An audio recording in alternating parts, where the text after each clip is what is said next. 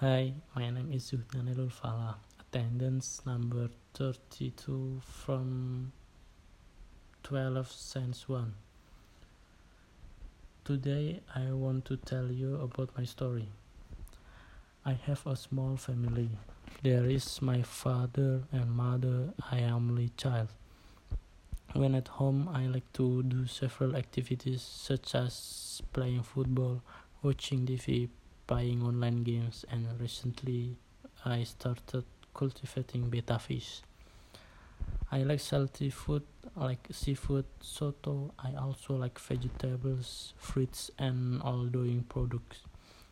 I like my mother cooking, and what I like best is my mom's homemade chili sauce. When in the mess, sometimes I miss the food.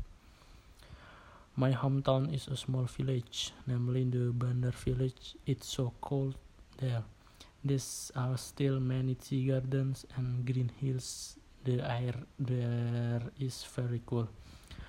My hometown is in the city center, so there are many traders. There is also a traditional market. My school is quite wide. There are many trees. When the weather is clear, you can see Mount Ungaran. During rest, I performed sunnah and obligating worship at the mosque.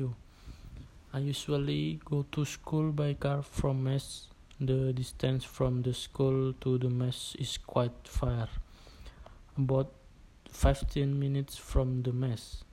The weather here is cool, but at at noon the weather is very hot.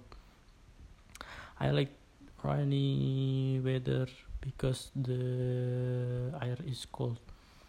I like playing football. I also like jogging every day. I do to that every Tuesday and Sunday. I go to the gym. Usually, I like to train uh, like like muscle.